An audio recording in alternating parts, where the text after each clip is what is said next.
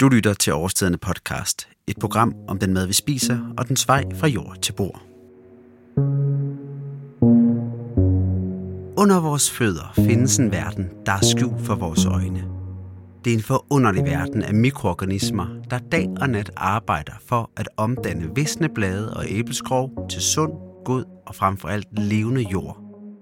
I en serie på fire afsnit vil vi fortælle, hvad der sker nede i jorden – vi vil hylde regnormen, der forvandler den golde jord til frodig muld.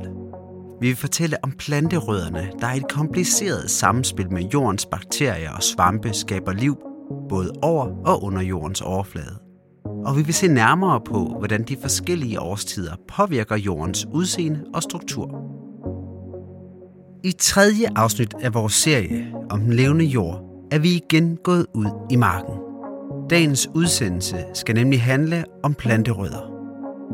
For at blive klogere på planterøddernes betydning, har jeg allieret mig med Frank, der har en fortid som gartner, men som i dag er ansvarlig for, at årstiderne har et tæt og godt samarbejde med avlerne, som dyrker vores grøntsager. Vi begynder den her udsendelse med at høre, hvad Frank forbinder med ordet rødder. Ja, men så tænker jeg jo selvfølgelig guldrødder og ting, man kan spise. Og, øh, nu er jeg jo, bortset fra, at jeg arbejder øh, med det, jeg arbejder med, er jeg også gartner, og jeg arbejder sådan hele mit liv med at dyrke grøntsager og, og blomster. Og øh, så når du siger rødder, så, så, så, så, så tænker jeg jo på guldrødder og på, på kartofler og på pastinak og basillerødder og, og hvad det ellers er. Men jeg tænker også på, på, øh, på Røders øh, ja, altså sådan univers. Altså, man siger for eksempel om Røder, at altså det, man kan se oven på jorden, det er lige så meget, lige så meget øh, øh, vækst ned under jorden. Altså, så man kan så se, hvis, hvis man kan se et træ, et kæmpe stort træ, så er der lige så meget masse ned under jorden. Og det, er jo, det kan man ikke forstå, at, at, at, at, at, at det fylder så meget. Så det er, jo, det er jo et univers, som vi ikke umiddelbart ser, men som er der. Det er ligesom en ocean med alle de fisk der i, som man ikke kan se, og, så, og, og når der lige pludselig kommer noget op, så er det imponerende. Og det er sådan set også med rødderne, bortset fra, at man ikke lige kan dykke ned til rødderne, man skal grave dem op, og så... Det er næsten en ufattelig tanke, at mange planter faktisk er lige så store under jordoverfladen som over. Ikke desto mindre er det sandt. Der findes en tommelfingerregel, som siger, at løvtræers rodnet er lige så stort som kronen på træet. Tag for eksempel et kastanjetræ. Hvis træet er 20 meter i højden og med en krone på 20 meter i diameter, ja, så kan man som udgangspunkt faktisk godt gå ud fra, at rodnettet også går 20 meter ned i jorden og har en diameter på 20 meter. På den måde er træets rodnet altså en spejling af træets krone. Men hvad skal planterne dog bruge de her enorme rodnet til? Jamen, øh, det, er, det, er jo, det er jo flere ting selvfølgelig. Selvfølgelig er det, altså, man tænker alle de rødder, så tænker man, jamen, øh, øh, det er opsamling af vand. Det er jo en primær ting. Men det er ligesom meget primært, det er, at i det vand er det jo noget gødning og noget, noget, øh, ja, noget, noget mad til planterne. Så, øh, så det bliver også opdaget gennem rødderne. Og så er der selvfølgelig en, en, en væsentlig ting, det er, at rødderne, planten bruger rødderne til at stå fast, ellers så vil de vælte. Så det er jo sådan tre væsentlige, væsentlige faktorer. Men altså, der er en fjerde ting, som måske ikke er så kendt, og det er, at rødderne, de, de kommunikerer med, øh, med bakterier og også med hinanden. Øh, øh, man har for eksempel i rumarken, i rumarken er det, er det sjældent ret meget ukrudt, og det, det synes man er sådan lidt, normal. hvorfor er det så det? Men det er simpelthen fordi rødderne de udskiller nogle stoffer, som gør, at ukrudt ikke spiger. Altså det, det er simpelthen spirehæmmende stoffer. Så det er også sådan en slags kommunikation med, med, med hinanden og med andre planter. Altså, men, altså kom ikke her, fordi her er vi. Altså, så du siger i virkeligheden, at rødder kan, kan tale med hinanden, eller det kan, Ja, jeg siger ikke, at de kan tale. Jeg tror ikke, de har noget bevidsthed. De, øh, de gør det gennem kemi. Altså, de, øh, de optager nogle næringsstoffer, og de afgiver også nogle, nogle, øh, nogle, nogle, nogle, nogle stoffer, nogle bakterier, eller hvad, hvad det er, eller nogle duftstoffer, eller noget nærmest spirhæmmende stoffer. Det er der nogle planter, der gør. Det her med, at planterne kan kommunikere med hinanden ved hjælp af deres rødder, er faktisk ikke grebet helt ud af den blå luft. De senere år har en del forskning nemlig vist, at kålplanter kan fortælle hinanden, hvis der er insektangreb, og at et træ kan overføre livsgivende næringsstoffer til et nabotræ, hvis det er i mangel. Den her forskning er stadig i sin spæde begyndelse, og derfor er der en del usikkerhed forbundet med resultaterne.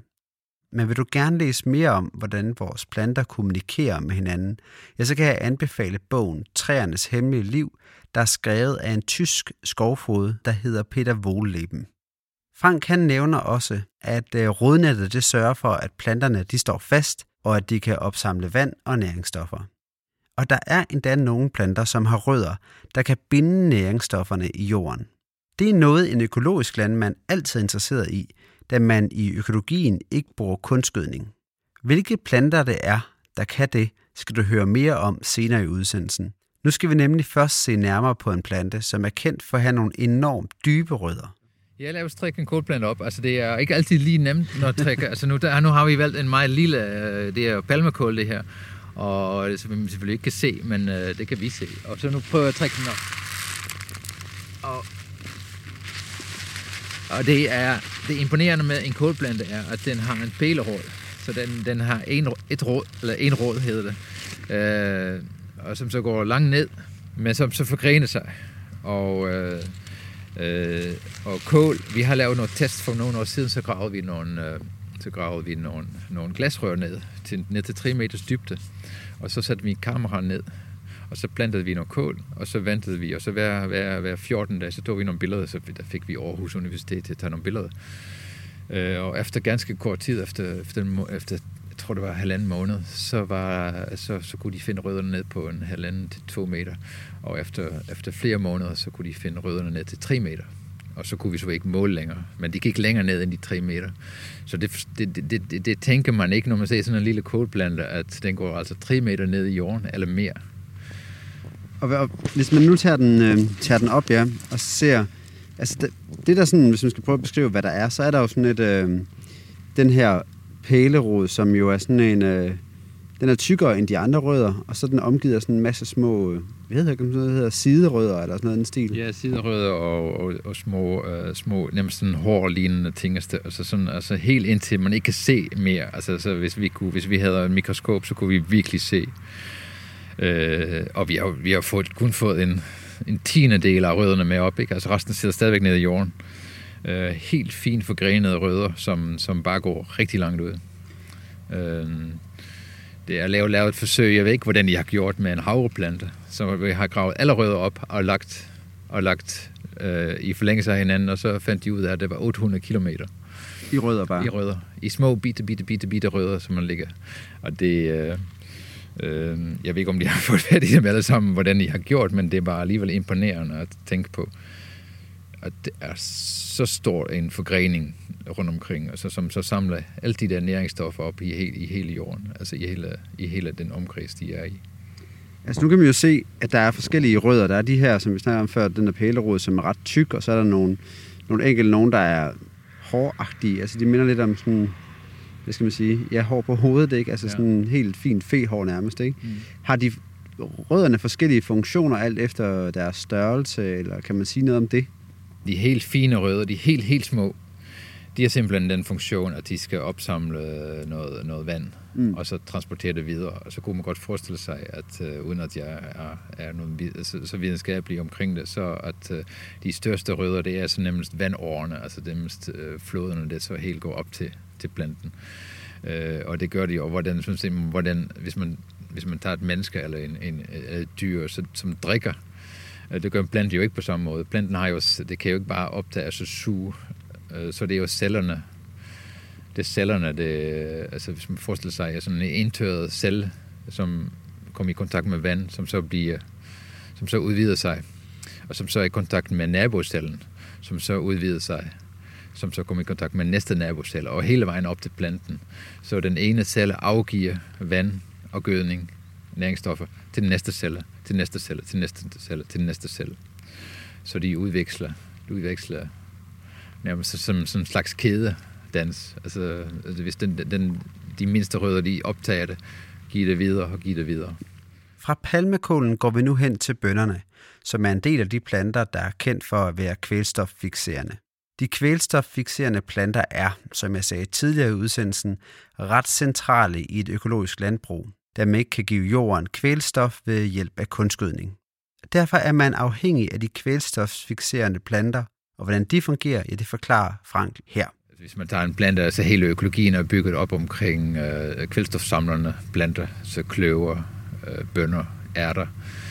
Den planteart eller plantetype, som, som samler kvælstof fra luften, altså det er rigtig meget kvælstof i luften, og det ved vi selvfølgelig. Og hvordan kommer det så ned i jorden? Det gør det igennem, igennem igennem, faktisk ikke igennem, direkte igennem rødder, men igennem noget bakterier, som vækster på rødderne. Altså hvis man, hvis man trækker en kløveplante op, eller en, eller en bønneplante, så kan man se sådan nogle små knolder, som er bakterierne, som, som lever i en symbiose med, med, disse, med disse rødder. En symbiose mellem planterødderne og en bakterie gør altså, at planten kan optage kvælstof fra luften. På den måde så bliver planten selvforsynende med kvælstof, som en af de vigtigste næringsstoffer, en plante har brug for, for at være sund og rask. Frank har nu revet en bønneplante op med roden, så vi kan se lidt nærmere på, hvordan det er, det ser ud, når planterødderne og bakterierne indgår i en symbiose. Jamen her kan vi typisk se altså, en, en, en, de der små, ja, hvad skal vi kalde det, små, bitte, bitte, bitte, bitte små knolder på, øh, på rødderne. Øh, og så en der. Og det er simpelthen øh, bakterier, der, der sætter sig på, på, øh, på rødderne og, øh, og samler kvælstof op fra jorden, fra luften. Altså de, øh, de lever af kvælstof og, øh, og optager det, og, og når de så dør, så har, så har, de, øh, så har det, det kvælstof, så har de, så har de tilføjet det til jorden. Øh, og det er den princippet, som, som man bruger i, i, i økologisk landbrug, det er, at man tager kvælstof fra luften, samler det igennem planterne og putter det i jorden. Så næste år, når man dyrker noget her, så har man en masse kvælstof i jorden til planterne. Og kvælstof er en af de vigtigste næringsstoffer, som planterne lever af. Og kvælstof, hvad dækker, altså hvad, hvad dækker det ord egentlig præcis over? Ja, vi skal lige have ham. Han er sur over, det ikke er ham, der er med. Så. og når du, øh, når du siger kvælstof, at man gerne vil optage kvælstof, øh, hvad er det der kvælstof? Hvorfor er det, planterne skal bruge det? Jamen, det er jo det, er det planterne bruger til. Altså, det er, det er, det er ligesom vi spiser brød, og, eller hvad vi ellers spiser, øh, proteiner og ting og sager, hvor vi kan leve af og, og, og blive stærke af, og, og, og kan komme til trives rent sundhedsmæssigt, så har, så har planterne deres vigtigste næringsstof, eller en af vigtigste næringsstoffer, det er kvælstof. Øhm, kulstof, fosfor og kalium. Det er de der tre, som man siger, det er hovedbestanddele i, i væksten, og så har man en masse mikronæringsstoffer. Men kvælstoffen er, er det, som gør planterne dybt grønne. Øh, hvis, hvis det ikke er nok kvælstof i jorden, så, så bliver planterne gule og står, altså, og så vækster simpelthen ikke. Altså det er simpelthen, øh, hvis, hvis, øh, det er typisk hvis man har en køkkenhave, eller har haft det nogen siden, og, og man kan se, eller en stueplante bliver sådan lidt, sådan lidt gulig og, og trives ikke rigtigt, så det er typisk kvælstofmangel. Det er ret fascinerende, at en bønneplante har fundet ud af, at den ved at samarbejde med en bakterie pludselig kan blive selvforsynet med kvælstof. Men hvad får bakterierne egentlig ud af det her? Hvorfor er bakterien dog så flink, at den gider at samarbejde med bønnen? Og hvad gør alle de planter, som ikke er kvælstoffixerende? Hvor får de deres kvælstof fra? Men forestil jer, at, øh, at, at, en, en, en, en, øh, at, man, at, at, at man går i, i en butik og, og, og køber, noget, køber noget mad, så bytter man jo også med penge. Og det, det samme køber planten, den afgiver nogle stoffer i igennem, øh, igennem rødderne, og så siger jorden, øh, eller bakterierne i jorden siger så, værsgo, så får du noget kvælstof, kalium, fosfor, eller hvad det er for tilbage. Så på den måde, på den måde er, er rødderne øh, rødderne er sådan set ude i supermarkedet at handle og, og købe mad til planten. Så, den, så de der klumper, eller hvad skal man sige, ja, de der, jo, lad os kalde dem klumper på, øh, på rødderne, altså det er ikke sådan en bakterie, der har sat sig for at være en barmhjertig samaritaner og hjælpe rødderne til at optage kvælstoffen. Det er ligesom et, et samspil, hvor man får noget og giver noget til hinanden. Ja, nemlig. nemlig. Altså bakterier er nok ligeglade med planten men har brug for planten, øh, så får, får noget fra planten, og så giver den så kvælstof tilbage. Altså, så det er kun bønder, ærter, kløvergræs, øh, som, som, og nogle, nogle andre typer, som, som, som så har de, disse bakterier på sig. Eller andre, for eksempel kål eller salat og sådan noget, de er afhængige af, at det er kulstof i jorden. Øhm, altså nogen allierer sig med nogle bakterier, som de kan arbejde sammen med. Nogen har brug for, at, at det findes i jorden, og, så, og som så skal ud på det frie marked og købe de, disse, disse næringsstoffer. Det er jo sådan set, hvis man er kvælstoffixerende, så, så er man jo sådan set også heldig, og det er også økologernes held, det er jo kvælstoffixerende planter. Altså, alle de der store kløvergræsmarker, vi, vi så der i, i starten af 90'erne, og, og, og nu, altså, hvor man ikke, altså, og indtil nu ikke, for, for, øh, det så vi jo ikke før i landskabet, fordi det, det havde man jo grundskydning, og så, så, så havde man grundskydning i marken i stedet for. Nu har økologerne, øh, de, de, de så flere og flere kløvegræsmarker, og, og som samler kvælstof, som de så pløjer ned om efteråret, og så næste år dykker de så korn på det. Så på den måde er det jo, er det jo, øh, er det jo egentlig kvælstoffixerende planter er jo økologernes redning, og det er, det er grundlaget for økologien. Vi lægger snakken om de kvælstoffixerende planter på hylden for nu, og slutter den her udsendelse med at høre om noget meget mere jordnært, nemlig de spiselige rødder. Vores forfædre gravede rødder op i skoven og spiste dem, og vi kender dem også en lille bitte smule fra fra i dag, altså køkkenet med gulerødderne, det kunne også være persillerødder eller peberrod og så videre. Der er ret mange af de der rødder.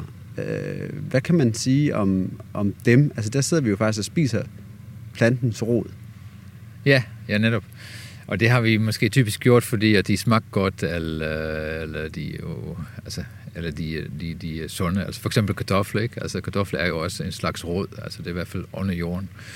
Øhm, og, og øh, men vi kommer nu, for eksempel, nu står vi her i smagsmarken på Bajskov, og her prøver vi nogle ting af, altså sige, okay, kunne man spise noget, som vi ikke som vi ikke troede, vi kunne spise. For eksempel øh, koriander, hvor man, hvor man spiser koriander, blade typisk. Altså, man kunne vi ikke spise røden også? Altså, og det viser sig jo, at altså, nogle af de der smags, altså, de er virkelig stærke og dejlige altså, at, at, at, at, at spise rødderne på nogle ting, som vi ikke umiddelbart og det er det, vi prøver af her. Øh, men der er man sådan nogle gange glemt lidt i, i den nye tid, at vi faktisk skal bruge mere planten, end det vi umiddelbart tror. Godt. Er der noget, vi mangler at få med?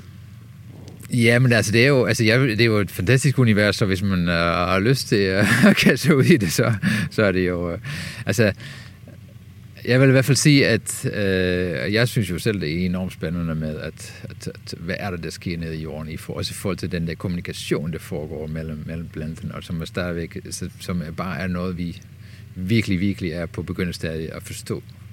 Øh, jeg er altid jeg er imponeret over at, at, at se, at, at man at det ikke kommer noget ukrudt i nogen afgrøder, mens det, er, det, det boomer med ukrudt i andre planter.